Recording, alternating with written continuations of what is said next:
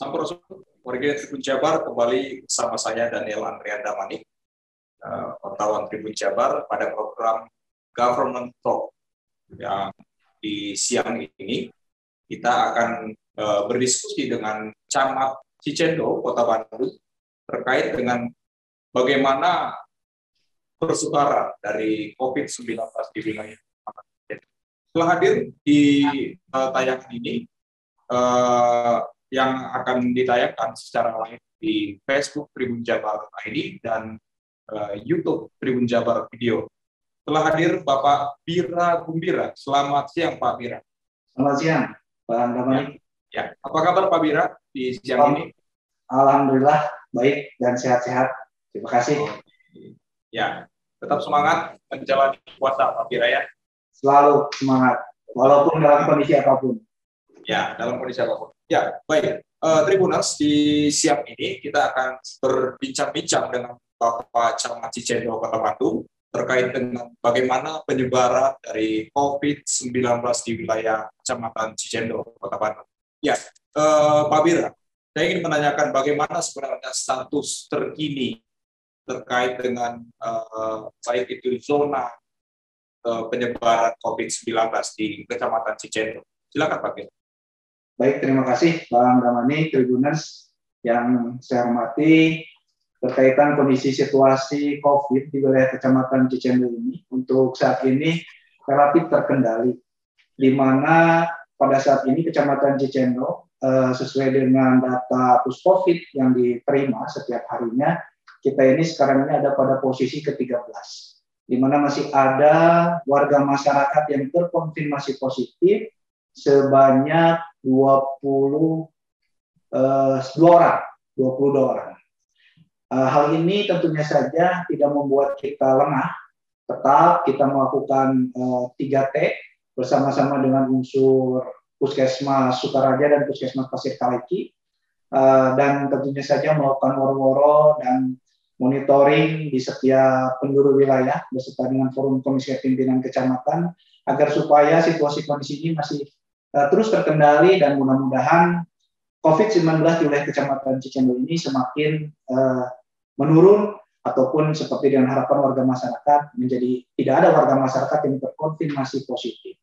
Dan mudah-mudahan dengan kerjasama yang baik, stakeholder yang ada, kita berupaya terus, apalagi sekarang ini sedang melaksanakan program vaksinasi di wilayah-wilayah di uh, pemerintah Kota Bandung. Itu mungkin Bang Domani, kalau kita bandingkan dengan kondisi awal kecamatan sini berada dalam zona merah gitu.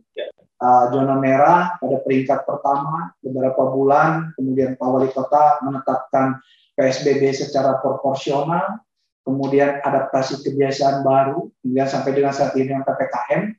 Ini situasi kondisi di wilayah kecamatan sini alhamdulillah terkendali dengan baik dan mudah-mudahan warga masyarakat bisa semakin paham uh, memahami Eh, kondisi situasi bagaimana menghadapi COVID-19 ini. Itu mungkin Bang Nami situasi yang ada di Kecamatan saat ini. Ya, baik Pak Bira.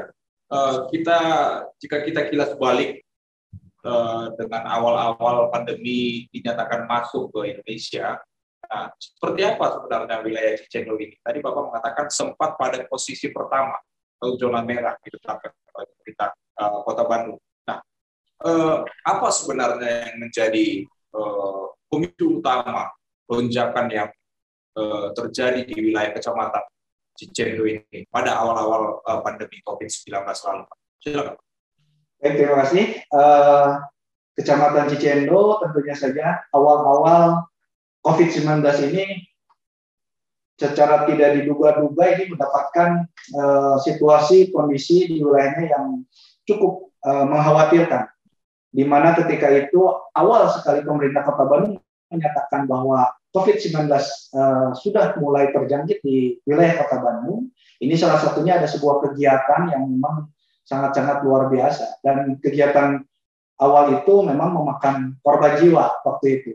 Dan sebaran di sana ternyata karena kegiatan tersebut uh, termasuk banyak uh, anggota anggota yang melaksanakan kegiatan warga masyarakat Kecamatan Cicendo. Salah satunya eh, Cicendo ini masyarakatnya yang terkonfirmasi positif eh, cukup tinggi. Jadi uh, dari awal 12, kemudian naik 17, kemudian naik 21 itu juga mengagetkan kita karena awal-awal kita menghadapi pandemi ini kita juga tidak tahu apa yang harus kita lakukan, apa yang harus kita kerjakan, bagaimana kita harus menghadapi situasi seperti yang kita hadapi pada saat itu. Dan uh, alhamdulillah Pak Bang, da, Bang Daniel, Mbak, kita bersama-sama dengan Forum Komisi Pemilihan Kecamatan bersama-sama dengan tenaga kesehatan, tenaga medis yang ada di wilayah Kecamatan Cicendo dan stakeholder yang ada di wilayah Kecamatan Cicendo ini berupaya berkomitmen untuk saling membantu bagaimana kita mengatasi persoalan yang dihadapi pada saat ini.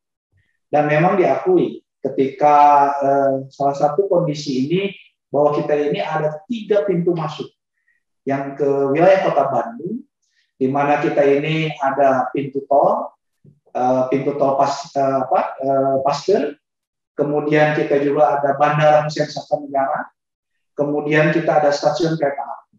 Ini mungkin salah satunya yang menyebabkan tingkat mobilitas warga masyarakat di wilayah Kecamatan Cicermi sangat tinggi. Karena dengan mudahnya akses, mungkin ada beberapa warga masyarakat kami yang tinggalnya di Kecamatan Cicendo bekerjanya di luar kota Bandung. Bisa di mungkin di DKI Jakarta atau Tangerang, Bekasi, yang pada waktu itu ternyata tingkat lebaran ini sangat cepat di wilayah-wilayah tersebut. Sehingga kita juga tidak bisa membendung, tidak bisa uh, memonitor kondisi yang ada di wilayah kami. Itu mungkin Bang Damai. Ini menarik sekali Tribuners bahwa di Kecamatan Cendo ini terdapat tiga pintu masuk yang mungkin uh, Tribuners yang sering berkunjung ke Kota Bandung sudah mengetahui wilayah-wilayah ini yaitu Stasiun Bandung, Stasiun Kereta Api, Bandara Hussein Sastra Negara Bandung dan gerbang tol Paster. Ini merupakan salah satu titik-titik favorit Pak ya untuk masuk ke wilayah Kota Bandung. Betul, betul. Ya, ya. Mungkin Tribuners juga penasaran Pak uh, Pak Mira terkait dengan uh, seperti apa wacana yang akan dilakukan di Kecamatan Cicendo ini menjelang Lebaran ini Pak. Tentunya kita ketahui tahun ke tahun Lebaran banyak yang berwisata melalui uh, keluar tol Pasteur menuju wilayah Kota Cimahi, menuju tempat wisata Lembang yang tidak menutup kemungkinan akan melalui uh, wilayah Cicendo. Seperti apa? Baik, terima kasih. Tentunya saja sesuai dengan perintah dari pimpinan, arahan dari pimpinan berkaitan dengan penanganan uh, kondisi situasi menjelang Idul Fitri kami senantiasa nanti akan bekerjasama, eh, berkoordinasi dengan pihak-pihak terkait dalam hal ini Polrestabes, uh, Kota Polres Bandung, dan juga uh, Kodim Bandung. Tentu saja di kami ini ada forum komisi pimpinan kecamatan, di mana nanti sesuai dengan instruksi apabila kami diperintahkan untuk membuat pos-pos penyekatan-penyekatan pintu masuk, maksudnya kami sudah akan kita siapkan dan personilnya sudah kita siapkan, kita koordinasi dengan uh, institusi terkait bagaimana kita mencegah warga masyarakat atau mengurangi mobilitas warga masyarakat berkaitan dengan uh, menghadapi pas atau Idul Fitri ini. Itu mungkin, uh, Bang. Oke. Artinya Pak, untuk wacana uh, membangun pos-pos uh, pemeriksaan itu sampai saat ini belum ada Pak ya diwacanakan di untuk di Camat ya. Oh ya sedang sedang kita persiapkan apabila nanti misalnya titik uh, tol Pasteur itu kan uh, kewenangannya itu ada tingkat yang lebih tinggi. Nah, kalau misalnya kami di Jalan Gunung Batu uh, berbatasan dengan Cimahi, kami harus membuat pos sekatan-sekatan. Ini kami akan siap, kami akan lakukan sesuai dengan komitmen kami dengan jajaran Polsek, jajaran Polsek Cicendo dan uh, tentu saja Koramil, Andir, dan juga Binpot Tirga lalu Hussein Sastra Negara. Jadi di kita ini ada ada ten, ada dan Koramil, kemudian ada berkaitan dengan eh, pengamanan lapangan udara, kita ada Binpot Dirga, Bina Potensi Dirgantara, dan tentu saja untuk wilayah-wilayah eh, masyarakat di kelurahan-kelurahan ini kita bekerja sama dengan polsek terkait. Dan juga kita siapkan eh, pos kesehatan. Pos kesehatan ini dengan UPT Puskesmas eh, Pasir Kaliki dan UPT Puskesmas Sukaraja. Karena menjelang menjelang uh, Idul Fitri ini kita juga sedang disibukkan dengan uh, pemberian vaksinasi tahap kedua bagi lansia, kemudian bagi uh, tenaga pendidik dan kependidikan, dan juga bagi uh, pelayan publik. Itu yang harus kita siapkan menjelang kita menghadapi Idul Fitri ini, Pak. Di wilayah Kecamatan Cicendo. Oke, baik. Artinya Pak Bira dari segi uh, personil baik itu dari kecamatan, uh, satu PP, dinas perhubungan yang di wilayah kecamatan itu uh, pada prinsipnya sudah siap ya. Kita siap. dilakukan uh, posko-posko pendekatan. Kita siap apabila itu nanti uh, diperintahkan oleh uh, pimpinan Kabupaten Kota untuk melakukan penyekatan-penyekatan. Jadi kita uh, intinya kita sebagai uh, petugas pendukung petugas pendukung suksesnya penyekatan atau pengurangan mobilitas menghadapi masa-masa Idul Fitri ini. Oke, baik. Uh, selain pintu masuk pintu masuk yang ada di wilayah Kota Cicendo, itu masuk pintu masuk favorit bisa kita katakan untuk berkunjung ke Kota Bandung. Apakah ada Pak uh, pasar tradisional yang yang bisa yang kemungkinan bisa menjadi salah satu penyumbang penyebaran COVID-19 ini. Boleh dijelaskan Pak, seperti apa penanganannya jika ada pasar tradisional atau pasar tumpah di wilayah kecamatan? Silakan. Baik Bang, eh, keterkaitan dengan pasar, tentu saja di Kecamatan Cicen ini ada dua pasar, tapi skalanya skala kecil. Eh, cuman yang dikhawatirkan ini kita berbatasan dengan pasar Ciroyom. Oke. Ini yang tentunya saja kita harus uh, berkoordinasi dengan uh, kecamatan tetangga kita, Kecamatan Andir tentu saja. Dan ini juga eh, nanti mungkin minggu depan kita akan berkoordinasi dengan Pak Camatnya bagaimana kita mengantisipasi eh, apalagi persiapan menghadapi Idul Fitri ini. Pasti banyak warga masyarakat yang eh, melakukan atau berbelanja ke tempat tersebut dan tentu saja tidak menutup kemungkinan warga Kecamatan Cicendo juga eh, melakukan transaksinya atau kegiatan belanjanya di eh, pasar Ciroyom tersebut. Untuk pasar di kami relatif uh, kecil itu ada dua pasar, pasar Kesatrian dengan pasar uh, Pamoyanan.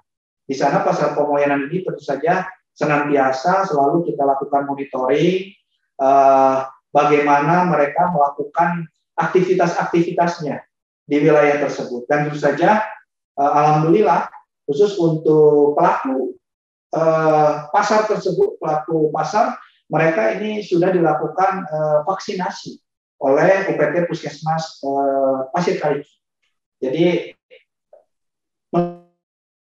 melihat dari perjalanan COVID ini, Bang, khusus untuk dua pasar ini tidak ada eh, kejadian-kejadian yang luar biasa atau menjadi klaster klaster uh, terkonfirmasinya pedagang tersebut di wilayah pasar tersebut. Kemudian yang untuk pasar kaget ini alhamdulillah di kita ini tidak ada pasar kaget. Ada eh, potensi untuk berkumpulnya masa ini di alun-alun Cicendo, tetapi dengan sampai dengan saat ini kita masih bisa mengendalikan ber, eh, dengan jajaran Forkopincang. Jadi kita melakukan eh, monitoring terus, woro-woro terus dan melakukan operasi justisi di sekitar tempat tersebut di, eh, di alun-alun Cicendo ini. Itu mungkin bang yang kita uh, lakukan yang kita uh, khawatirkan ini perbatasan kita dengan pasar Ciroyom mungkin dengan kecamatan Andir. Oke, baik Pak. Tadi di awal Pak Camat menyampaikan bahwa saat ini uh, terkonfirmasi positif itu ada 22 orang warga ya di Kecamatan Cicendo.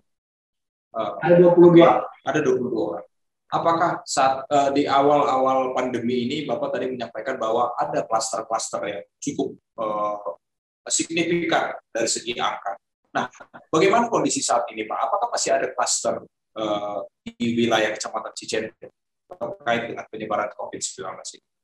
Terima kasih. Uh, kondisi saat ini saya rasa uh, berbanding jauh dengan keadaan ketika awal-awal kita pandemi. Jadi Uh, sampai dengan saat ini yang terkonfirmasi positif ini tentunya saja tidak seperti yang kita alami. Jadi ada klaster kegiatan tertentu. Kalau sekarang ini yang dikhawatirkan kita ada klaster keluarga. Tetapi klaster keluarga ini pernah uh, pernah kita alami uh, terjadi, tetapi bisa kita antisipasi. Bagaimana kita melakukan isolasi bagi mereka dan tentu saja bisa di di kelurahan-kelurahan ini Bapak Ibu lurahnya menyiapkan dengan RW posko-posko bagaimana apabila uh, warga masa ada warga masyarakatnya yang terkonfirmasi positif.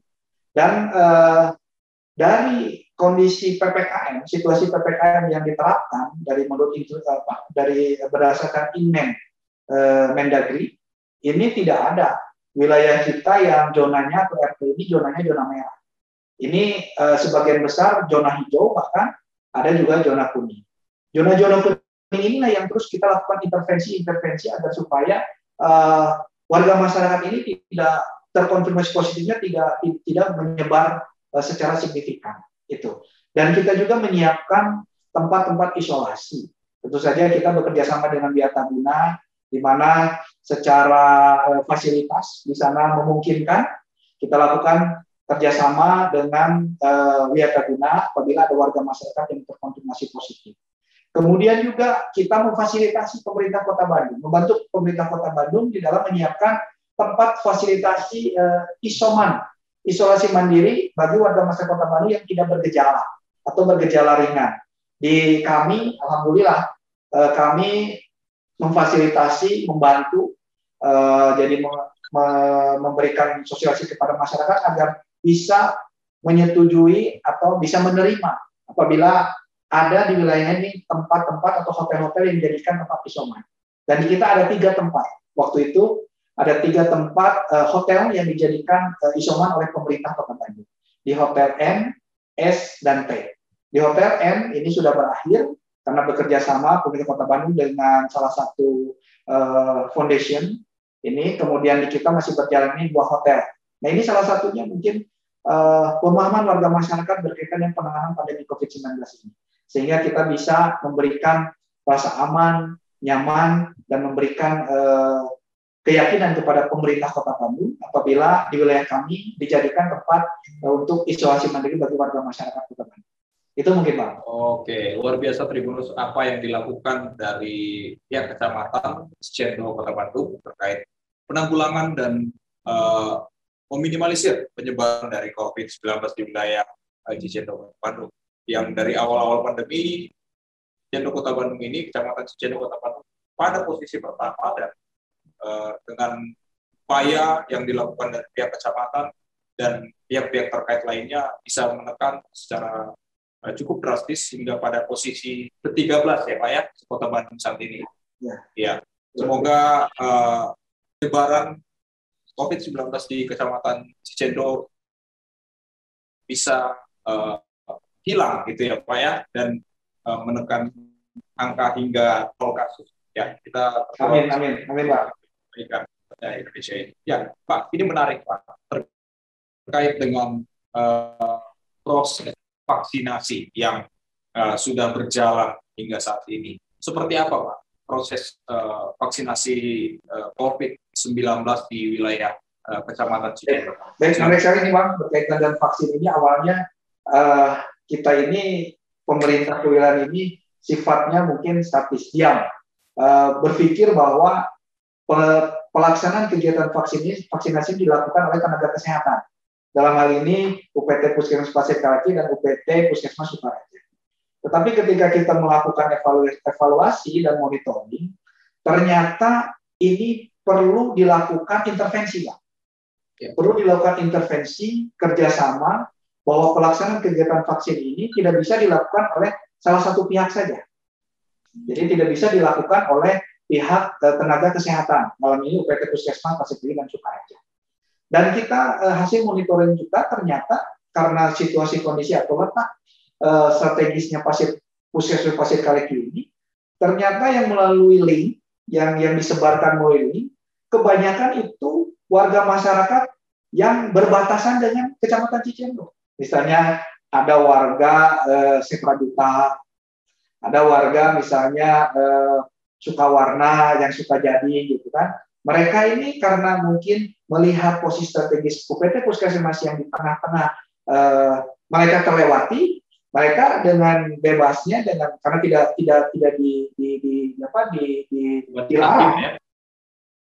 Uh, tidak dilarang mereka untuk mengirim melakukan vaksinasi. Yeah. Nah, uh, jadi mereka lebih senang di pasir Kaliki gitu. Nah setelah kita monitor, kita evaluasi bersama dengan dokter, Pak, kalau kita tidak melakukan terobosan, ini yang melakukan vaksinasi di tempat atau di kecamatan sini kebanyakan warga warga masyarakat, bukan kecamatan Cicendo. Akhirnya kita melakukan uh, kolaborasi dengan pihak-pihak lain, dengan melakukan inovasi, bekerja sama, melakukan uh, pelaksanaan kegiatan vaksinasi di titik-titik yang sudah kita tentukan dengan melakukan uh, mobilisasi warga masyarakat lansia uh, untuk dilakukan vaksinasi. Dan ini alhamdulillah Bang, kita uh, saat ini telah tervaksinasi di dua UPT Puskesmas ini 9.101 orang. Ini terdiri dari lansia, uh, lansianya ini hampir uh, 5.300 sekian, kemudian tenaga pendidiknya ini 1.434, dan tenaga pelayan publik ini ada 1003 orang. Dan di Kecamatan Cicendo, aparat Kecamatan Cicendo yang sasaran ini 58, ini ada sekarang ini 56 yang sudah kita vaksinasi. Dua belum bisa divaksinasi karena situasi keadaan tertentu. Seperti saya misalnya baru divaksinasi kemarin, karena saya juga termasuk penyintas, Bang. Jadi, jadi memang kita eh, tadi historisnya dari awal kita berat menghadapi ini, ternyata kita turun ke lapangan dan kita merasakan bahwa kita ini ternyata kita terkonfirmasi positif. Itu mungkin Pak. Oke, artinya proses vaksinasi di Kecamatan Cicendo ini sudah mulai berjalan Pak ya?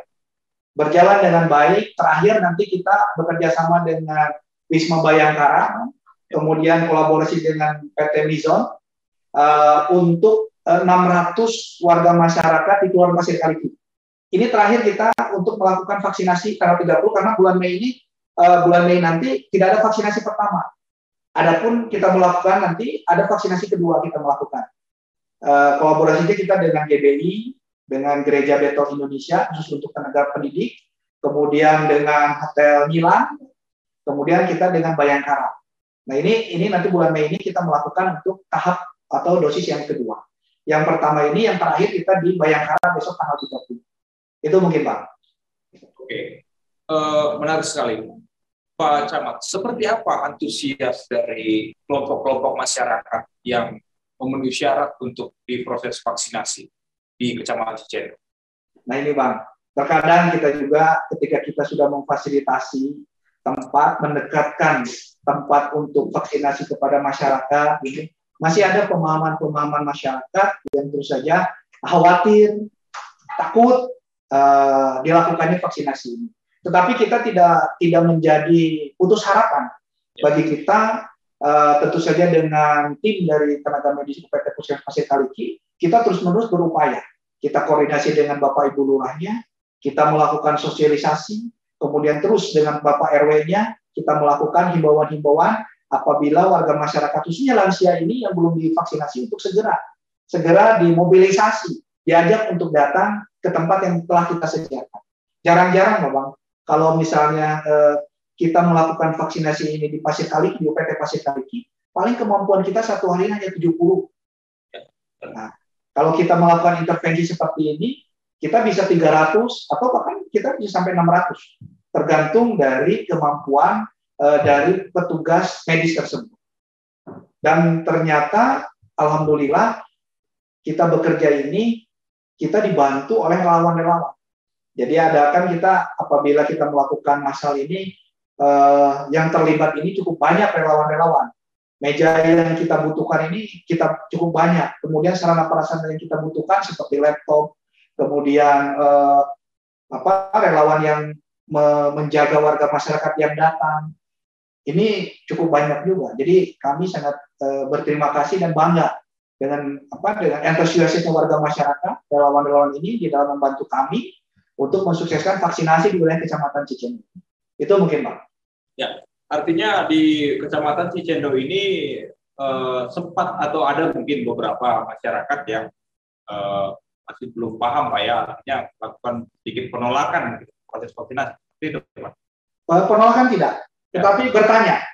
Bertanya. Sepertinya gini Pak, sepertinya kita terakhir akan melakukan vaksinasi massal untuk tenaga kependidikan. Nah, kita buat koordinasi, uh, koordinator-koordinator, dan kita sampaikan, kita sosialisasikan ada yang bertanya berkaitan dengan jenis vaksinnya. Nah, jadi mungkin masyarakat ini khawatir kalau jenis vaksin tertentu bagaimana gitu. Terus saja dengan uh, kewenangannya, ibu dokter menyampaikan situasi kondisi vaksin yang akan digunakan seperti apa, terus kemudian vaksin yang lainnya itu seperti apa. Intinya kan vaksin itu untuk untuk membuat antibodi pada diri um, orang yang akan divaksin itu. Jadi itu, jadi penolakan sih sebetulnya uh, tidak, tetapi mungkin kekurang pahaman gitu, Itu mungkin. Oke, baik. Artinya kalau untuk informasi tentang vaksinasi di wilayah kecamatan Cijendu ini sudah bagaimana cara pengendalian uh, proses edukasi yang masyarakat? Karena informasi tentang vaksinasi ini masih banyak pak informasi tentang uh, hoax atau kabar-kabar yang kurang baik tentang vaksinasi. Apa upaya yang dilakukan dari uh, Kecamatan Cijen? Baik, terima kasih Bang. Jadi uh, karena kita ini kan tadi kembali lagi ulang-ulang bahwa kita ini paling berat ya Bang ya, awal kita sudah membentuk relawan secetar.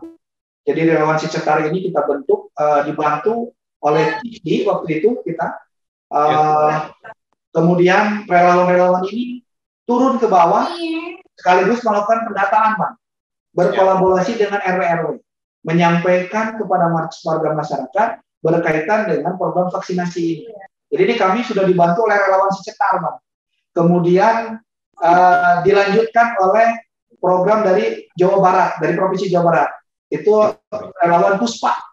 Ya, kami kami kami ada relawan Puspa dan ini sudah sudah jadi tinggal jalan saja dengan relawan secetar yang kita bentuk dari mulai awal pandemi ini kemudian saat ini dan terus saja relawan-relawan ini sangat membantu kami, baik itu di dalam menangani warga masyarakat yang terkonfirmasi positif maupun melakukan sosialisasi keterkaitan vaksinasi ini. Jadi kami terbantu lah, kami sangat-sangat terbantu dengan warga masyarakat yang peduli uh, bergabung dengan Satgas COVID-19 yang ada di wilayah Kecamatan Cicengga ini. Itu Bang. Oke, luar biasa sekali Tribunal apa yang uh, dilakukan dilakukan dari pihak Kecamatan Jendo khususnya pada uh, proses vaksinasi yang saat ini masih berlangsung dan masih berjalan. Uh, pihak kecamatan juga selalu memberikan edukasi pada masyarakat terkait dengan uh, mungkin ketidaktahuan masyarakat terkait dengan vaksin, jenis vaksin yang akan diterima oleh masyarakat dan uh, meminimalisir penyebaran informasi informasi hoax melalui komunitas-komunitas atau relawan-relawan seperti si Cekar ini. Ya, uh, tidak terasa terima uh, 30 menit sudah kita berbincang-bincang dengan camat uh, Cicendo, yaitu Bapak uh, Ira. Ya, jadi uh, sebagai penutupnya, mungkin bisa kami uh, bisa kami mintakan kepada Pak Camat terkait dengan apa yang menjadi imbauan kepada masyarakat, khususnya menjelang uh, mudik Pak menjelang Idul Fitri. Apa yang bisa disampaikan di tengah pandemi ini akan uh, waktu Idul Fitri akan semakin dekat. Apa yang bisa disampaikan kepada masyarakat khususnya di wilayah Kecamatan Cicendo? Silakan Pak. Baik, terima kasih. Uh, keterkaitan dengan pandemi ini belum berakhir, masih ya. terus berlangsung. Himbauan dari kami warga masyarakat agar senantiasa waspada, selalu waspada, apalagi kita ini saat ini akan menghadapi uh, Hari Raya Idul Fitri, di mana Hari Raya Idul Fitri ini warga masyarakat muncul euforia, kebahagiaan, dan tentu saja pada kesempatan inilah kita harus selalu menjaga protokol kesehatan, walaupun kita sudah divaksin, tetap kita harus melakukan 5M dengan memakai masker, mencuci tangan, menjaga jarak, mengurangi mobilisasi, dan tentunya saja kita menghindari dari kerumunan.